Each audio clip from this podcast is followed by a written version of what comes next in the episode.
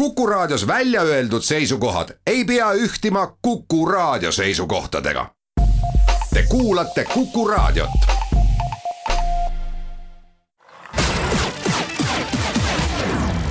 nädala Tegija. ja tere nüüd ka Nädala Tegija stuudiost. kuna mööduv nädal on nüüd keerelnud põhiliselt vaktsineerimise ümber ja läinud kohati ka üsna emotsionaalseks ja toonud ka päris palju uusi uudiseid, siis olengi palunud täna Nädala Tegija saatesse töö- ja terviseminister Tanel Kiige, tere Tanel Kiik ja tore, et jõudsite Kukust läbi astuda. ja tervist, hea meelega. saatejuht on Ulla Lents no mis seisus me siis nüüd täna oleme, et nädalavahetus jättis küll mulje, et need, kes peaksid tulema vaktsineerima, kellele need massvaktsineerimised mõeldud olid, need ei tahtnud väga tulla ja need inimesed, kes siis tahtsid, noh, nende aeg ei olnud käes ja nendele ühel hetkel tõmmati siis selle vaktsineerimisvõimalusele ka kriips peale. et äh, kas me täna oleme selles seisus, et need reeglid on ikkagi ainult kuuskümmend viis plussile, juhul kui inimene ei ole riskigrupi inimene ja tegelikult noh, kui hakata rääkima nädalavahetust konkreetselt, siis äh, vaktsineeriti iseenesest üle seitseteist tuhande inimese ja eelmine nädal kokku üle neljakümne tuhande, nii et tegelikult tehti päris palju vaktsineerimisi ja tempo oli kõrge. Äh, mis oli tõesti äh, murettekitav, on see, et oli piirkondi, kus oli väga suur nõudlus ja tegelikult jäi reaalselt doose puudu, oleks olnud võimekust teha rohkem, ehk kõik ajad broneeriti täis ja oli piirkondi, eeskätt suuremad keskused, kus tõesti jäi vaktsiini kasutamata, kus eakate huvi ei olnud niivõrd kõrge, et kindlasti näiteks Tallinna näitel peame arvestama, et ega linnaosade vahel inimesed, eriti eakamad inimesed, ei kipu niimoodi liikuma. et näiteks Mustamäe, Nõmme eakas inimene ei tule Tondirabale vaktsineerima ja ei, ilmselt ei olnud ka piisavalt siis aega, et neil oma pereliikmete või lähedastega sellist transporti planeerida. kuna me teadsime ka seda AstraZeneca saadetise saabumiskuupäeva väga vähe ette järgmiseks korraks tuleb kindlasti siit õppust võtta, ehk eh, avada pigem selliseid vaktsineerimise võimalusi kodu lähedal läbi perearstikeskuste, läbi pereõdede, kes on ka täna peamised tegelikult vaktsineerijad ja selliste suuremate nii-öelda suurvaktsineerimiste puhul on ilmselt mõistlik sihtgrupp ikkagi nooremad inimesed, kes on ka mobiilsemad, kellel on ka kergem võib-olla kiiresti reageerida, eh, vajadusel ka transpordi mõttes eri linnaosade vahel liikuda või ka näiteks Harjumaalt või mujalt Tallinna kokku tulla. Praegu vanuse soovituse vaates on tõesti nii, et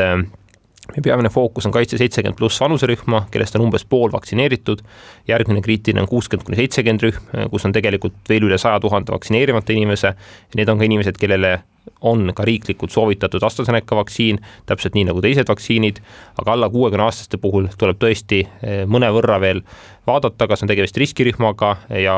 kui nad tõesti soovivad ennast vaktsineerida, siis eh, väga selgelt teavitada näiteks AstraZeneca vaktsiini puhul, mis on need kõrvaltoimed, mis on need riskikohad, mida peaks inimene jälgima ja selleks vastava sellise teavitusleheme ka välja töötama koostöös Euroopa Ravimiametiga, et inimestel oleks eh, suurem selgus ja ka tervishoiutöötajal lihtsam inimest konsulteerida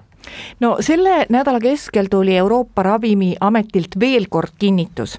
et AstraZeneca on ohutu ja kõrvalmõju, mõjud on väga haruldased. et need kõrvalmõjud ei ole seotud ei vanuserühma, ei sooga.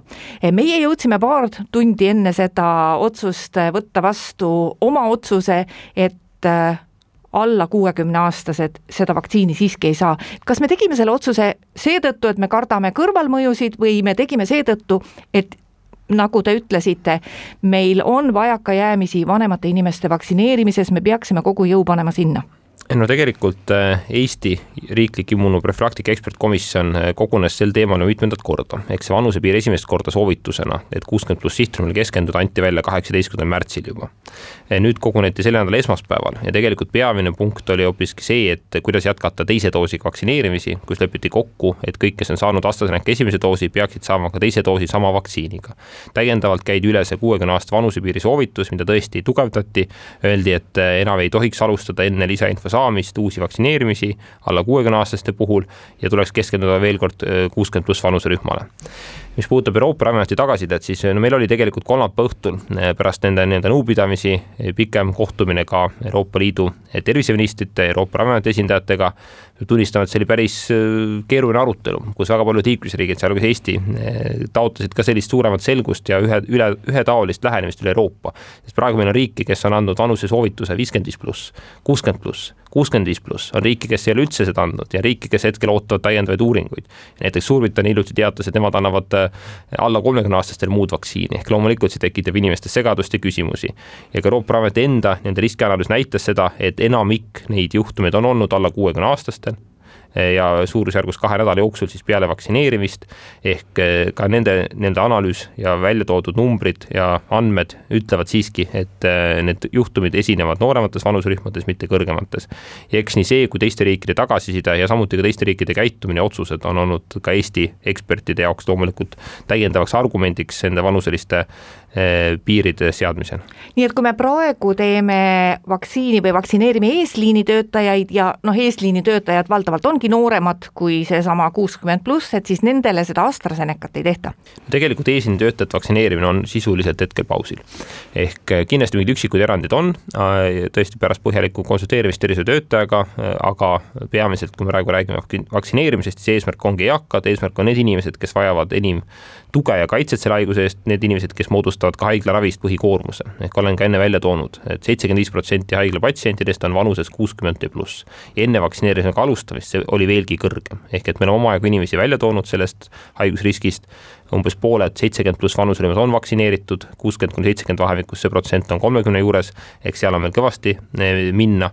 ja kui oleme teinud ka teatud arvutusi, oleme palunud teadusnõukoja liikmel, näiteks äh, professor Fischeril teha selliseid hinnanguid, suurusjärgus kakssada patsienti on meil pidevalt haiglaravil vähem, kui oleks äh, ilma vaktsineerimiseta. et tegelikult see on päästnud ilma igasuguse liialdamata kümneid, kui mitte juba sadu elusid ja oluliselt aidanud leevendada haiglate niigi kõrget koormust, ehk me, me oleksime vastasel juhul olnud ilmselt tipphetkel olukorras, kus oleks päriselt pidanud abi paluma naaberriikidelt inimeste hospitaliseerimisel, sest lihtsalt Eesti haiglates poleks olnud piisavalt ressurssi.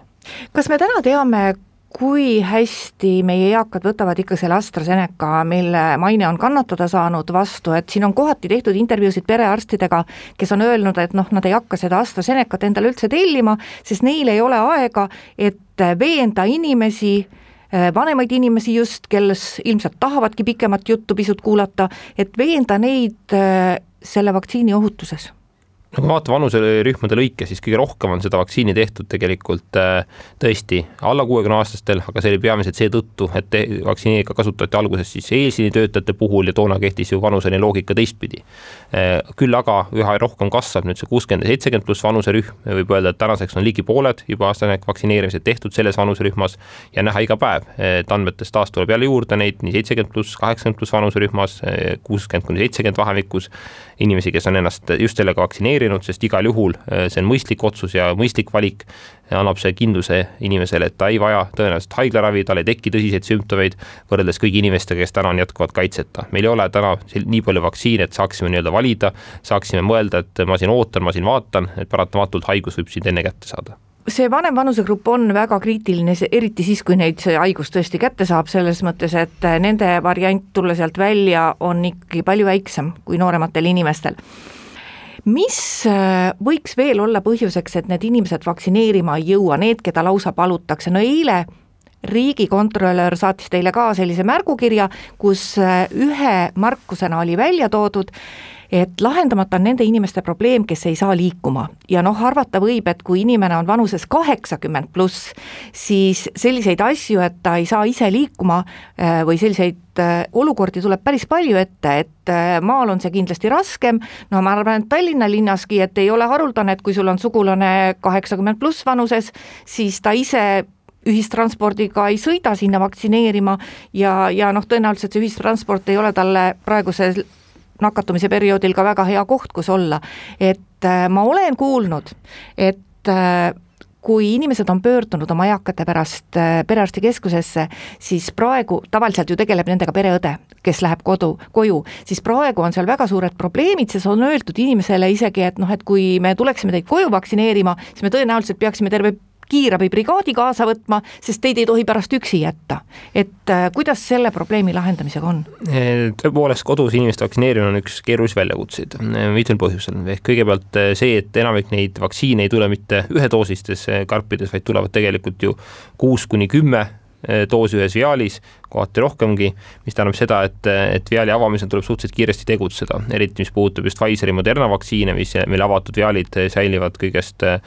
suurusjärgus kuus tundi. ehk et kuna nendel on tõesti eritingimused ka temperatuuri ja säilitamise vaates. AstraZenecaga on natuke lihtsam. ja teine asi, mis on keeruline, on see, et eh, kõik need vaktsiinid on väga raputustundlikud, ehk ütleb ka meie Ravimiamet, ütleb ka Euroopa Ravimiamet, et nende transpordi peab olema äärmiselt ettevaatlik, ehk eh, väga keeruline on sellist nii-öelda laialdast kodus vaktsineerimist korraldada.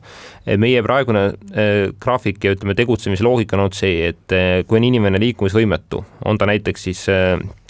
sügava puudega või, või vanusest muust eriseisundist tulenevad, siis on vaktsineeritud tema pereliikmeid selleks, et temal oleks omakorda väiksem võimalus nakatuda eeskätt vaktsineeritud see inimene, kes igapäevaselt tema hooldamisega tegeleb, et tõesti tagada, et, et see inimene ise on terve ja vähem väiksem risk, et haigus edasi annab. nüüd, kus tuleb järk-järgult turule ka neljas vaktsiin ehk Janssen Pharmaceutica oma, mis on ühedoosiline vaktsiin, siis meie võib-olla suured lootused on selles vaates pannud just selle vaktsiini peale, et kogu see logistika pool oleks ju kaks korda kergem, kui on vaheteha üks vaktsineerimise kuur kahe asemel tasemel eh, ja eh, selles vaates eh, meil on eesmärk ja soov hakata seda vaktsiini kasutama ka nende inimeste puhul, kes tõesti on liikumisvõimetud, võivad kodus vaktsineerimist vajada. oleme teinud esmased kaardistused, suurusjärgus viisteist tuhat, kakskümmend tuhat inimest on sellist, kes on kas siis sügava puude tõttu või muul põhjusel päris liikumisvõimetud kodus ja on loomulikult veel päris palju neid, kes seda kindlasti eelistaksid, kui selline võimalus pakutakse, aga see eeldab tõesti selle kogu protsessi läbitöötamist ja meie eesmärk on Astra, vabandust, Janssen Pharmaceutica vaktsiiniga neid kodus vaktsineerimisi eh, teostama hakata. me teeme siinkohal oma jutuajamisse väikese pausi ja hetke pärast jätkame. nädala Tegija nädala Tegija saade läheb edasi, stuudios on töö- ja terviseminister Tanel Kiik ja ma veel eel, eelneva jutu kohta küsiksin, et need inimesed, kes elavad koos, ütleme sellise üle kaheksakümnese, üle üheksakümnesega, keda ei saa vaktsineerima viia, et nad võivad julgelt helistada oma perearstile ja paluda siis vaktsiini endale, kuniks saab lahendatud see eaka probleem jaa, absoluutselt, ehk et see on ka kokkulepe perearstidega olnud, et eh, selles valguses just eh, kaitsta neid inimesi, kes enim haiguse vastu kaitset vajavad, on antud juhul mõistlik vaktsineerides pereliikmeid, kui me ei saa tõesti inimest ennast tuua vaktsineerimisele, mis alati ei ole kahjuks võimalik. no missugune perspektiiv meil lähiajal on täiendavate vaktsiinikoguste saabumisega ja kui kiirelt me seda Johnsoni võiksime oodata? Janssen Pharmaceutica vaktsiini hakkab tulema alates üheksateistkümnenda aprilli nädalast. esialgu üsna vähe, mõne tuhande doosi kaupa, mais-juunis need numbrid kasvavad. laiemalt tegelikult teine kvartal tuleb noh, suurusjärgus kolm korda rohkem vaktsiini, vähemalt praeguste graafikute alusel, kui tuli esimeses kvartalis. ehk meil on lubatud suurusjärgus miljon vaktsiinidoosi, kolmandas kvartalis veelgi enam, kuna tõenäoliselt lisaks neile tootjatele lisandub veel vaktsiinitootjad, kes müügiloa saavad, ehk igal juhul see vaktsiini defitsiit, eh, nagu algusest peale teadsime, on ajutine nähtus, aga, aga loomulikult ta tekitab palju pingeid, palju muresid, kuna soovijate hulk on lihtsalt kõrgem kui vaktsineerimise võimalus. teises kvartalis ma tahaks väga loota ja hetkeseisuga julgen ka uskuda, et see mure laheneb, et kõik saavad võimaluse ennast vähemalt ühe vaktsiinidoosiga eh, kaitsta COVID-19 haiguse vastu ja suve jooksul ka teise doosi kätte, mis kindlasti annab meile kindlustunde, et eh, kolmanda laine eel on Eesti elanikkond laialdaselt kaitstud, tehtud ja ka soovitan ja palun kõigil, kellele seda võimalust pakutakse, kindlasti vaktsineerima tulla. eile Te ütlesite välja ka, et tööle võetakse ja juba otsingud käivad äh, vaktsineerimise projektijuht. on see nüüd seotud, see otsus sellega, et äh, vaktsineerimisega ei ole läinud kõige paremini või just nimelt sellega, et ees ootab massivaktsineerimiste periood ja, ja see korraldus lähebki pingelisemaks? Eeskätt tõesti seetõttu, et need äh, kogused oluliselt tõusevad. kui meenutame detsembrit-jaanuari, meile tuli mõni nädal kümme tuhat vaktsiini. no kümne tuhande vaktsiini nii-öelda koordineerimiseks ei ole vaja eraldi inimest, kuna meil tegelikult olid tervishoiuasutused, kes tegid eeskätt vaktsineerimise enda personalile ja kõik see vaktsiin kasutati edukalt ära. täpselt nii tegelikult ka veebruaris ja märtsis olid need tarned väiksemad, nüüd märtsi võib-olla teine pool on need hakanud oluliselt tõusma, aprillis äh, on samuti numbrid päris kõrged, aga mai, juuni ja veel suvekuudel need numbrid kasvavad veelgi, ehk tegelikult tegelikult see raskuskese, mis praegu on perearstikeskustel, pereõdedel, mingi hetk hakkab nihkuma ka suuremate vaktsineerimiskeskuste peale. praegu fokusseerime eakatele, mingi hetk hakkame tegelema eeskätt keskealiste nooremate inimestega ja meil on vaja operatiivselt olla valmis tõesti siin vaktsiine vajadusel ringi liigutama erinevate maakondade vahel, vaatama, kus on suurem nõudlus, kus on väiksem hõlmatus, tegema erikampaaniaid, eriprojekte ja seda kõike teha tänasel vaktsineerimise juhtrühmal või mul tervise- ja tööministrina kõige muu töö kõrvalt, mis ka vaktsineerimisega kaasneb tegelikult, Euroopa Liidu läbirääkimised, ravimiohutuse küsimused, valitsuse tasandi nõupidamised, seadusandlik pool, et siin on mõistlik võtta eraldi inimene, tegelikult oleme siis tema otsimisega juba mõnda aega tegelenud, nagu ma olen ka viidanud, siis ei ole see idee nii-öelda täna tulnud, aga õige inimese leidmine pole ka kunagi nii kerge väljakutse, kuna arusaadavalt tegemist on tõsise ülesandega. Massvaktsineerimise puhul need äh, kaks nädalavahetust nüüd, äh, mis said Haigekassa korraldatud ja noh, ka mõneti kohalike omavalitsustega ja teistega koostöös, ma mõtlen siin kõigepealt see esimene nädalavahetus, kui äh, tehti läbi siis eesti.ee teavitust ja siis see möödunud nädalavahetus, neid on nimetatud ka selle massvaktsineerimise peaprooviks. et noh, peaproovid või, või proovid ei lähe ikka alati väga hästi, aga maikuus te nimetasite, võib meil tulla juba väga palju vaktsiini, maikuu on kohe käes. Äh, kui hästi paigas on täna see plaan, et kus kohas need kohad on, äh, kui palju on vaja abilisi, kes need abilised on, no ma toon siin viimase nädala näiteks, äh, Tallinna linnavalitsus tõenäoliselt andis oma väga tubli panuse. et nendes vaktsineer-, kahes vaktsineerimiskeskuses olid ju vabatahtlike abistajatena ka Tallinna linnavalitsuse töötajad, et vaat kui palju inimesi ja kas plaan on paigas, et seesuguseid aktsioone teha siis nagu laiaulatuslikult? jah, ma olen väga nõus sellega, et omavalitsused on omajagu siin pingutanud ja panustanud, nii Tallinna linn, tegelikult Tartu linn vaktsineerimiskeskuse ettevalmistamisel, väga paljud linnad koostöös kohapealse haiglaga, näiteks on see Pärnu näide, on see Narva näide ja ka mujal Eestis. ehk eh, kindlasti eh, see koostöö peabki käima niimoodi, et omavalitsusega mõeldakse läbi, mis on kõige loogilisem koht, omavalitsus saab tihti pakkudagi tasuta pinda, kus neid vaktsineerimisi teha, täiendavat tööjõu abi ning ka registreerimisel ja kommunikatsioonil ehk elanike teadlik teavitamisel abi. seda kõike ka Tallinna linn tegi,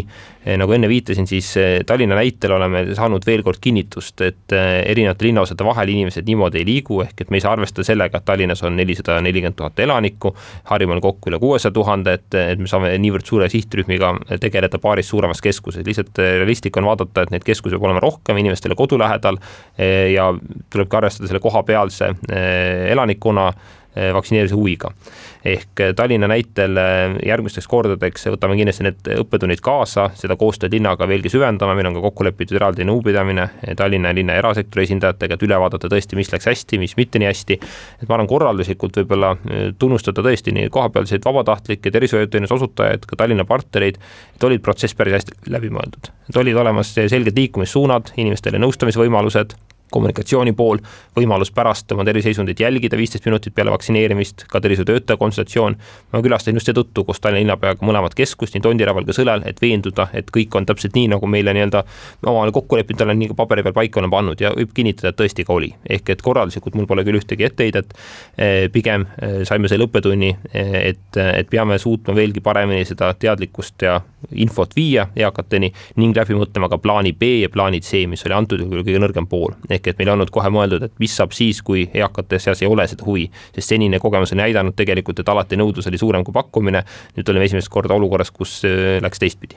me teeme siinkohal oma jutuajamisse natuke pikema pausi. kuulame ära Kuku raadio lühiuudised ja siis räägime Tanel Kiigega edasi. nädala Tegija nädala Tegija saade läheb edasi, stuudios on töö- ja terviseminister Tanel Kiik veel edasi vaktsineerimisest eh, väljaspool perearstikeskusi, no siin on ju teinekord ka öeldud, et eh, võib-olla eakamad inimesed ei taha minna väljaspoole keskust kusagile mujale, et noh, nad tahavad aru pidada. ma juhiksin ehk tähelepanu asjaolule, et ega perearstikeskustes, kui inimesi kutsutakse sinna vaktsineerima, siis minu kogemus ütleb küll, et seal on täpselt samamoodi need ajad paika pandud kolme minutiga, et seda teavitustööd tõenäoliselt selle vaktsineerimise protsessis eh, enam teha ei jõua väga mahukalt. et ilmselt see lähenemine nendele eakatele peaks eh, olema ikkagi enne seda, kui ta seda süsti saama tuleb. et seal ei ole kellelgi väga pikkadeks jutuajamisteks aega, kuigi noh, ma arvan, et äh, olulistele küsimustele ikka vastuse saab kindlasti ongi mõistlik, eh, kui inimesel on rohkem küsimusi, on rohkem tervisemuresid, siis juba eelnevalt eh, paluda perearstil, pereõel, et ma tulen küll vaktsineerima hea meelega, aga mul on veel need või need küsimused, ma võtan neid või neid ravimeid, tõenäoliselt perearst ka seda teab, aga kui näiteks inimene võtab midagi täiendavalt juurde, on ta siis tavaline võib-olla apteegiravim eh, või on tal tekkinud mingeid tervisemuresid või küsimusi, on mõistlik seda eelnevalt kohe teavitada, et inimene soovib põhjalikumat konsultatsiooni. alati neid küsimusi saab küsida ka telefoni teel ja paljuski seda ka tehakse, ehk ma tean, et omajagu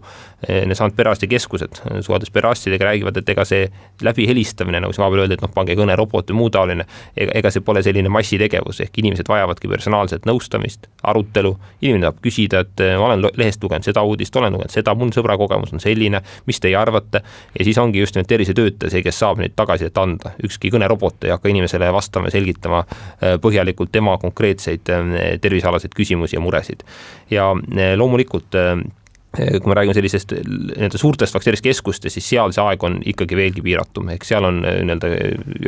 sisuliselt kokku lepitud väga täpne järjekord, väga täpne liikumisprotsess, on võimalik teatud määral konsulteerida, aga kindlasti inimesel on ka oma perearsti või pereõega oluliselt mugavam seda teha, ehk oma tervisevaldkonna küsimusi avada, perearstil on ka teadmine tema varasematest diagnoosidest, ligipääsu terviseandmetele, ehk siiski, kui inimene tahab põhjalikumat konsultatsiooni, põhjalikumat lähenemist, on kõige õigem seda teha läbi perearstikeskuse, võib-olla ka läbi haigla ja sellised suuremad suuremad vaktsineerimispunktid on pigem neile, kellel on see otsus kindel, kes on juba eelnevalt kas internetist lugenud või perearstiga näiteks telefonitsi konsulteerinud ja teavad täpselt, mida nad tahavad teha, mis on need võimalikud nii-öelda kõrvaltoimed, mida jälgida ja öö, oskavad ka nii-öelda, oskavad ja saavad mugavalt logistiliselt kohale tulla.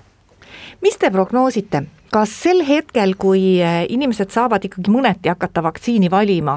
võib äh, AstraZeneca muutuda nii ebapopulaarseks, et, et meil ei olegi temaga mitte midagi teha, ma tean, et praegu noored inimesed, kes, äh, kelle huvi on mõneti seotud ka sellega, et saaks ühel hetkel reisima minna, siis nad on väga täpselt välja arvatud, arvestanud, et selle AstraZeneca vaktsineerimise vahed on ju väga pikad. ja et ütleme, kui nendeni jõuab see vaktsineerimise järjekord maikuus, siis järgmise saad umbes kaheteistkümne nädala pärast, aga nad rohkem panustavad sellele uuele vaktsiinile, eh, mille puhul piisab ühest doosist. et kas me või, peame kartma, et seda AstraZenecat nagu ühel hetkel tõepoolest seisabki meil kapis suur kogus ja keegi ei vali seda? No me oleme tegelikult ju ostnud äh, üle nelja poole miljoni vaktsiinidoosi ja mitte seetõttu, et me arvaksime, et Eestis on nii palju elanikke, vaid sellepärast, et me teame, et need vaktsiinitarned jaotuvad erinevate kvartalite vahel. ehk kui me oleksime tellinud näiteks üks koma kolm miljonit vaktsiinidoosi, et igale äh, elanikule ühe või siis ütleme kaks, kui on vaja kahekordset vaktsineerimist, siis tegelikult me saaks neid vaktsiine oluliselt aeglasemalt, sest äh, paratamatult see, et me esimeses kvartalis oleme hetkel Euroopa Liidu kiiruselt kolmas riik, on paljuski tingitud seetõttu, et me tegime küllalt suured nii-öelda eeltellimused, mis on andnud võimaluse elanikes vaktsineerimist pakkuda. teises-kolmandas kvartalis järk-järgult vaktsiine hakkabki üle jääma, see on teadmine, millega me oleme kogu aeg arvestanud, aga arvestades seda nõudlust maailmas, ehk et kui Eestis on vaktsineeritud tänase seisuga eh, suurusjärgus äh, iga viies täisealine elanik, siis maailma mastaabis see number on kolm korda väiksem. ehk tegelikult on miljardeid inimesi, kes vaktsineerimist ootavad, et meil pole mingit alust arvata, et Eesti nii-öelda üksikud miljonid vaktsiinidoosid võiksid üle jääda olukorras, kus mõni inimene vajab üle revaktsineerimist ja meil on juba praegu väga palju riike, kes on palunud annetusi, palunud müügi, ostmise võimalusi, ehk ütleks nii, et, et kui me täna ütleksime, et me tahame oma vaktsiinid ära müüa, siis homme hommikuks oleks need laod tühjad. ja, ja see on täiesti nii-öelda kindel, kindel teadmine, mitte, mitte, mitte lahmimine. ehk meil ei jää neid vaktsiine üle, küll aga loomulikult inimesed võivad hakata siin nii-öelda mõtlema, et, et millist vaktsiini ma tahan, millised uudised lähevad, aga siin ma soovitan tõesti usaldada tervishoiutöötajaid. ehk et kui inimene on, tervishoiuvaldkonna ekspert on kutsunud sind vaktsineerima, mis tahes vaktsiiniga, ta on hinnanud neid riske, ta on sellest teadlik, eh, ta oskab hinnata ka, milline vaktsiin sulle sobib, ehk et siin ei saa hakata vaatama selle järgi, et millel on neli nädalat, kuus nädalat või kaksteist nädalat intervall või mis on ühe või kahedoosiline, et oluline on ju tagada see kaitse, oluline on tagada endale ja tervise vaates sobiv vaktsiin ja vaktsineerimise eesmärk eh, on eeskätt elu ja tervist kaitsta, kõik need muud nii-öelda reisimised ja muud boonused on selline täiendav ja seda ei tohi kunagi panna peamiseks no kõigile vaatamata, äh, järjest suurem hulk inimesi saab vaktsineeritud, ühiskond on praegu suletud, äh, on kostnud hääli, et ühiskonda, isegi kui üldiselt nakatumise ja haiglanumbrid ei võimalda avada, et peaks hakkama ühiskonda avama järk-järgult neile, kes on vaktsineeritud. kas Eesti läheb seda teed? See on hästi keeruline eetiline dilemma tegelikult, et kui vaatame tõesti vaktsineerimise loogikat ja plaani, eh, õigesti ütlesite, et üha rohkem inimesi on vaktsineerimisvõimaluse saanud, noh, võtame viimase ööpäevaga tehti näiteks uus rekord, tehti ligi kolmteist tuhat vaktsineerimist. ja see tempo ongi kasvanud, meil on viimased viis nädalat, nüüd tuleb kuues nädal ilmselt, kus on tehtud kolmkümmend, nelikümmend tuhat vaktsineerimist eh, ja liigume kiiresti ülesse, aga samas, kui vaatame eeskätt neid sihtrühmi, kelleni jõuda tahame, need on eakad inimesed. ja eesmärk on, et nende kaitse oleks nii-öelda kõige suuremalt tagatud, kui vaatame ka numbriliselt, siis valdav osa vaktsiine ongi läinud eh, kuuskümmend pluss, seitsekümmend pluss vanuserühmadele ja nooremate vaktsineerimise võimalusega tuleb veidi veel oodata. ja selles vaates, kui me ütleksime näiteks, et me hakkame avama teatud võimalusi inimestele, kes ennast vaktsineerinud, siis paratamatult see tähendaks seda, et noorte seas see nõudlus kasvaks veelgi see võimalus eakatel üle vaktsineerima saada tegelikult väheneks, kuna väga palju tekiks sellist täiendavat survet, täiendavat motivatsiooni eh, nii-öelda järjekorras ettepoole saada ja see pole ju praegu eesmärk. ja täpselt samuti oleks see ka võib öelda ebaõiglane kõigi nende suhtes, kellele pole veel vaktsineerimisvõimalust pakutud. ehk äh, täna on vaktsiinid, nagu öeldud, defitsiit, täna on eeskätt need fokusseeritud eakatele, noh, ma võtan mõned numbrid välja. Äh, kui vaatame vanuserühmi, nagu viitasin, seitsekümmend kuni kaheksakümmend äh, pluss vahemikus on ligi pooled inimesed vaktsineeritud kolm, kuuskümmend kuni kuuskümmend üheksa, täna hommikuse seisuga oleme jõudnud kolmekümne nelja koma üheksa protsendini. alla poole sellest hakkame liikuma viiskümmend, viiskümmend üheksa vahemik, kakskümmend kolm protsenti, nelikümmend kuni nelikümmend üheksa vahemik viisteist protsenti, kolmkümmend kuni kolmkümmend üheksa vahemik kümme protsenti ja allpool veelgi väiksem. ja need, need nooremad inimesed, kes on tõesti vaktsineeritud, on peamiselt olnud erinevad eesliinitöötajad, haridusvaldkond, tervishoiuvaldkond, sotsiaalvaldkond, siseturvalisus ja väiksemal määral ka teatud terviseriskidega inimesed. ehk tegelikult nendes nooremates vanuserühmades, selles kaheksateist kuni võib-olla viiskümmend üheksa vahemikus on vaktsineerimise võimaluse saanud olnud suurusjärgus kümme-viisteist protsenti. ja selles vaates ülejäänud kaheksakümnele, kaheksakümne viie, kaheksakümne viiele, üheksakümnele protsendile öelda, et eh, teie ei saa veel vabadusi, kuna te pole vaktsineeritud, oleks tegelikult ebaõiglane, sest nad ei ole vaktsineeritud mitte seetõttu, et nad vaktsiini pelgaksid, vaid seetõttu, et neile lihtsalt ei ole see järjekord veel jõudnud ja meist oleks ebaõiglane eh, panna neid kuidagimoodi eh, ütleme siis raskemasse olukorda, piiratumasse olukorda, kui see pole olnud nende enda valik, vaid lihtsalt vaktsiini defitsiidist tulenev no kuidas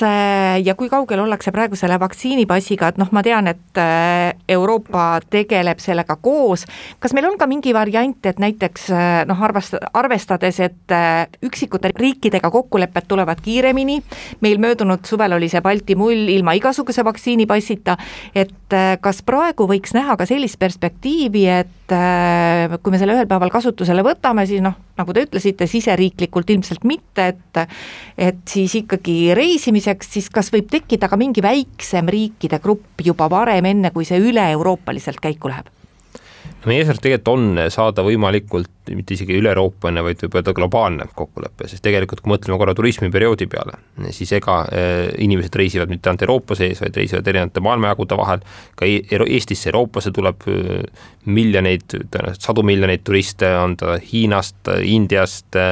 Ameerika Ühendriikidest, mujalt maailmajagudest ja meil on loomulikult mõistlik, meil on kokku lepitud selged protseduurid, selged reeglid, kuidas siis nende eneseisolatsiooni kohustuste ja muu sellisega toimetada. ja praegu äh, need arutelud käivad tõesti Euroopa Liidu tasandil, et oleks Euroopa Liidu sisene ühest küljest selline regulatsioon, et kus me väljastame selgelt need tõendeid, eh, nii-öelda Euroopa roheline kaart või pass, et mis, mis annab veendumuse, et inimene on siin müügile saanud vaktsiiniga vaktsineeritud, aga tuleb lahendada ka nende inimeste küsimus, kes on vaktsineeritud mujal. ehk eh, see, kui eh, Hiina suurtootjad või ka Venemaa tootjatel ei ole Euroopa Liidu müügiluba, ei tähenda seda, et nende inimeste vaktsineeritus eh, seetõttu halvem oleks. ehk näiteks seesama Hiina Sinovaciga tõenäoliselt mingi hetk on vaktsineeritud üle rohkem inimesi isegi kui mis tahes muu vaktsiiniga, kuna Hiinas elab üks koma kolm miljardit inimest. ja meil on mõistlik igal juhul leida selge kokkulepe, et kuidas me neid inimesi käsitleme, kes selle vaktsiiniga on vaktsineeritud, neid on ka Euroopa elanike seas, aga eeskätt loomulikult Aasia maailmajagud Aasia riikides. mis puudutab selliseid väiksemaid kokkuleppeid, siis äh, kindlasti on võimalik, et me taastume, on see Balti mulli loogika nii-öelda Soomega taas, sest äh, üheaegselt me näeme ka seda, et lisaks vaktsineerituse hõlmatusele hakkavad ju ka nakatumise numbrid alla minema. Äh, praegu võib öelda ka Eestis taas täna hommikused värskemad nii-öelda numbrid näitavad seda, et nakatunute arv oli kuussada seitsekümmend seitse, positiivsed testi, testide osakaal on langenud kaheteist protsendini kahekümne nelja tunni lõikes, mis on juba oluliselt vähem kui siin mingi tipphetkel, kus see oli üle kahekümne protsendi tegelikult. ja tänase neljateist nädala neljateist päeva, vabandust. nakatuse näitaja saja tuhande elaniku kohta on kaheksasada kuuskümmend kuus, tipphetkel see tuhat viissada viiskümmend. nii et Eesti inimeste mõistlikud valikud, terviseteadlik käitumine, järk-järgune vaktsineerimine on aidanud juba seda numbrit oluliselt alla tuua ja olen üsna kindel, et, et peagi alustame põhjalikuid läbirääkimisi Soome ja Balti riikidega omavahel taas sellise töö ja õpirände ja muude selliste vabaduste pakkumiseks, kuna me näeme, et see Covidi risk ühest küljest sesoonselt väheneb, teisest küljest piirangute tõttu väheneb ja kolmandast küljest vaktsineerituse hõlmatuse tõttu järk-järgult kahaneb ja mõistlik inimestele rohkem vabadusi tagasi anda. me teeme ühe pausi oma jutuajamisse veel ja hetke pärast jätkame. nädala Tegija nädala Tegija saade läheb edasi, stuudios on töö- ja terviseminister Tanel Kiik. no järgmine võimalik Eesti nii-öelda avamise päev on aprilli lõpus. kas tänaseid numbreid vaadates võib loota, et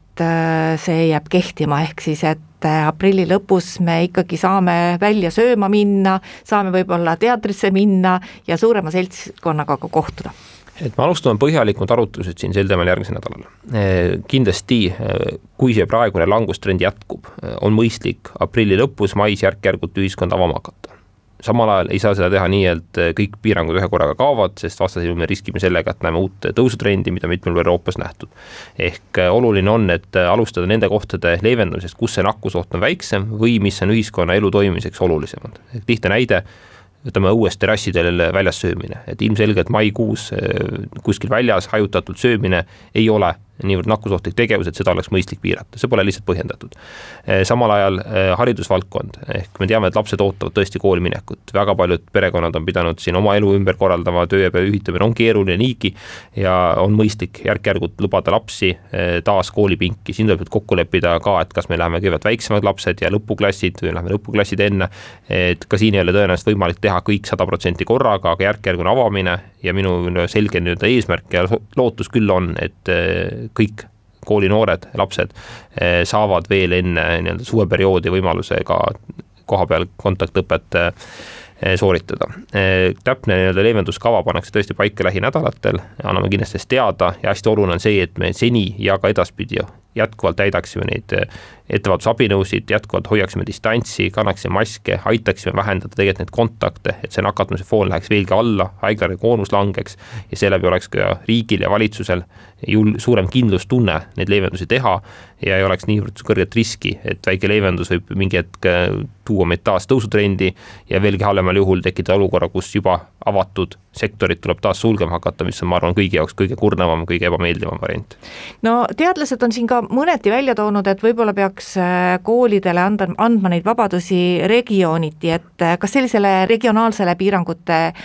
põhimõttele minnakse tagasi? on see mõistlik teatud üldse? valdkondades on ta kindlasti teostatav, ehk loomulikult haridusvaldkond on selline, kus tõenäoliselt ei hakata nii-öelda maakonda vahel liikuma, noh näiteks kui me räägime tõesti spaadest või restoranidest, siis siin tõenäoliselt on mõistlik jällegi üleriigiline lähenemine, et mitte tekitada sellist nii-öelda liikumist kõrgema ja madalama nakatumisega maakondade vahel. et kui vaatame tõesti kaardile peale, siis eh, mis seal salata, on regioone, eeskätt Kagu-Eesti, eh, Lääne-Eesti, eeskätt saared, ehk Harju, Hiiumaa ja Saaremaa, kus see nakatuse number on täna juba kaks-kolm korda väiksem kui Eestis keskmiselt. ehk eh, ma saan väga hästi aru, kui need maakonnad küsivad, et aga miks meil on siin asjad suletud, miks meie ei või nii-öelda vabamalt elada, aga, aga teistpidi peame arvestama sellega, et kui me toona tegime neid nii-öelda regionaalseid erinevusi, siis me nägime, et väga kiiresti see pilt eh, kaardil nii-öelda ühtlustus ja ühtlustus äh, kahjuks kõrgemate numbrite suunas. ehk järk-järgult kasvasid ka teistes piirkondades nakatumise näitajad ja paratamatult meil tuleb oma varasematest kogemustest ju need õppetunnid kaasa võtta. ehk äh, selline täpne kava, et mida saab teha regionaalselt, mida saab, mida peaks tegema ikkagi üleriigiliselt, pannakse paika nii-öelda lähinädalatel, siin toetuma paljuski Covid-19 teadusnõukogu ettepanekutele, Terviseameti ettepanekutele, kes on tõesti hinnanud nii varasemate meetmete, leevenduste mõju kui ka teiste riikide kogemusi, mida veel tuleb arvesse võtta. Praegu me elame ikkagi rõõmsas teadmises ja lootuses, et äh, kõik läheb paremaks. kui palju, mitte ainult Eestis, vaid äh, kogu maailmas, Euroopas, valitsused valmistuvad sügiseks ja kui palju tehakse prognoose, mis saab sügisel, no tõenäoliselt suur osa, tahaks väga loota, täisealisest elanikkonnast on vaktsineeritud ja, ja nende puhul see vaktsiin, kui mingeid uusi hulle tüvesid ei tule, et siis tõenäoliselt see vaktsiin kaitseb neid karta on, et sügisel võivad saada meie probleemiks lapsed, me teame, et lastele ju täna vaktsiini ei ole, et kuida-, kuidas ja missugustes kategooriates üldse mõeldakse kogu elu peale sügisel kogu maailmas? loomulikult mõeldakse, väga palju mõeldakse, ehk mis puudutab lapsi, siis praegu on tõesti nii, et Pfizer-BioNTech vaktsiiniga võib teha kuueteist, alates kuueteistkümnendast eluaastast ülejäänud vaktsiine võib kasutada ainult täisealiste puhul. ehk noh, põhimõtteliselt võib öelda niimoodi, et meil on olemas juba täna lepitud eh, piisavad tarned, tagada ka enamikele gümnaasiumiõpilastele vaktsineerimise võimalus, et kõik, kes on kuusteist, seitseteist, kaheksateist vahemikus. ja kindlasti on mõistlik seda võimalust kasutada. ehk see annab ka suurema kindlustunde, et eh, sügisel nii-öelda taas kooli avades on vahepeal äh, piisavalt palju ka juba neid õpilasi, kes on ennast vaktsineerinud, kelle puhul äh, on need nii-öelda riskid maandatud. mis puudutab nüüd nooremaid kui kuueteist eluaastased, äh, kuueteist aasta vanused, siis siin ei ole tõesti veel täna sobivat vaktsiini turule tulnud, uuringud käivad, mitmed kliinilised uuringud, eeskätt Pfizer-BioNTechi puhul ma tean, et ka Moderna tootja on väga selgelt fokusseerinud ka noortele, et kindlasti jälgime väga tähelepanelikult neid uuringuid, kliinilisi,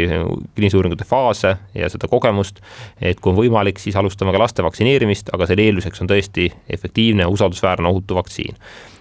seni, kuni seda võimalust pole, tuleb kasutada muid nii-öelda ettevaatusabinõusid ehk võimalikult paljud, nagu ütlesite õigesti, täisealised peavad ennast vaktsineerima. eesmärk on kindlasti seitsekümmend protsenti pluss hõlmatus saavutada täisealiste vaates ja samal ajal tuleb tagada ka just nimelt koolipersonali eh, vaktsineeritus ning võimalused hajutada ja vajadusel kiirtestida inimesi, et kiiresti tuvastada potentsiaalselt nakatunud, neile ravi ja nõustamist pakkuda ja vältida just selliste laiaulatuslikumate kollete teke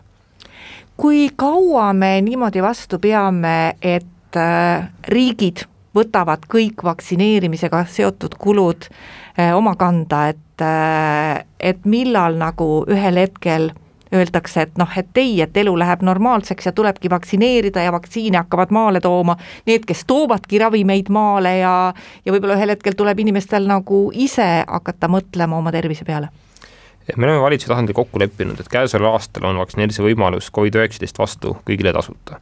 Eh, mina isiklikult pean kindlasti õigeks, et vähemalt riskirühmadele, kui mitte laiemale elanikkonnale, oleks see võimalus tagatud ka järgmistel aastatel. ehk eh, vaktsineerimine on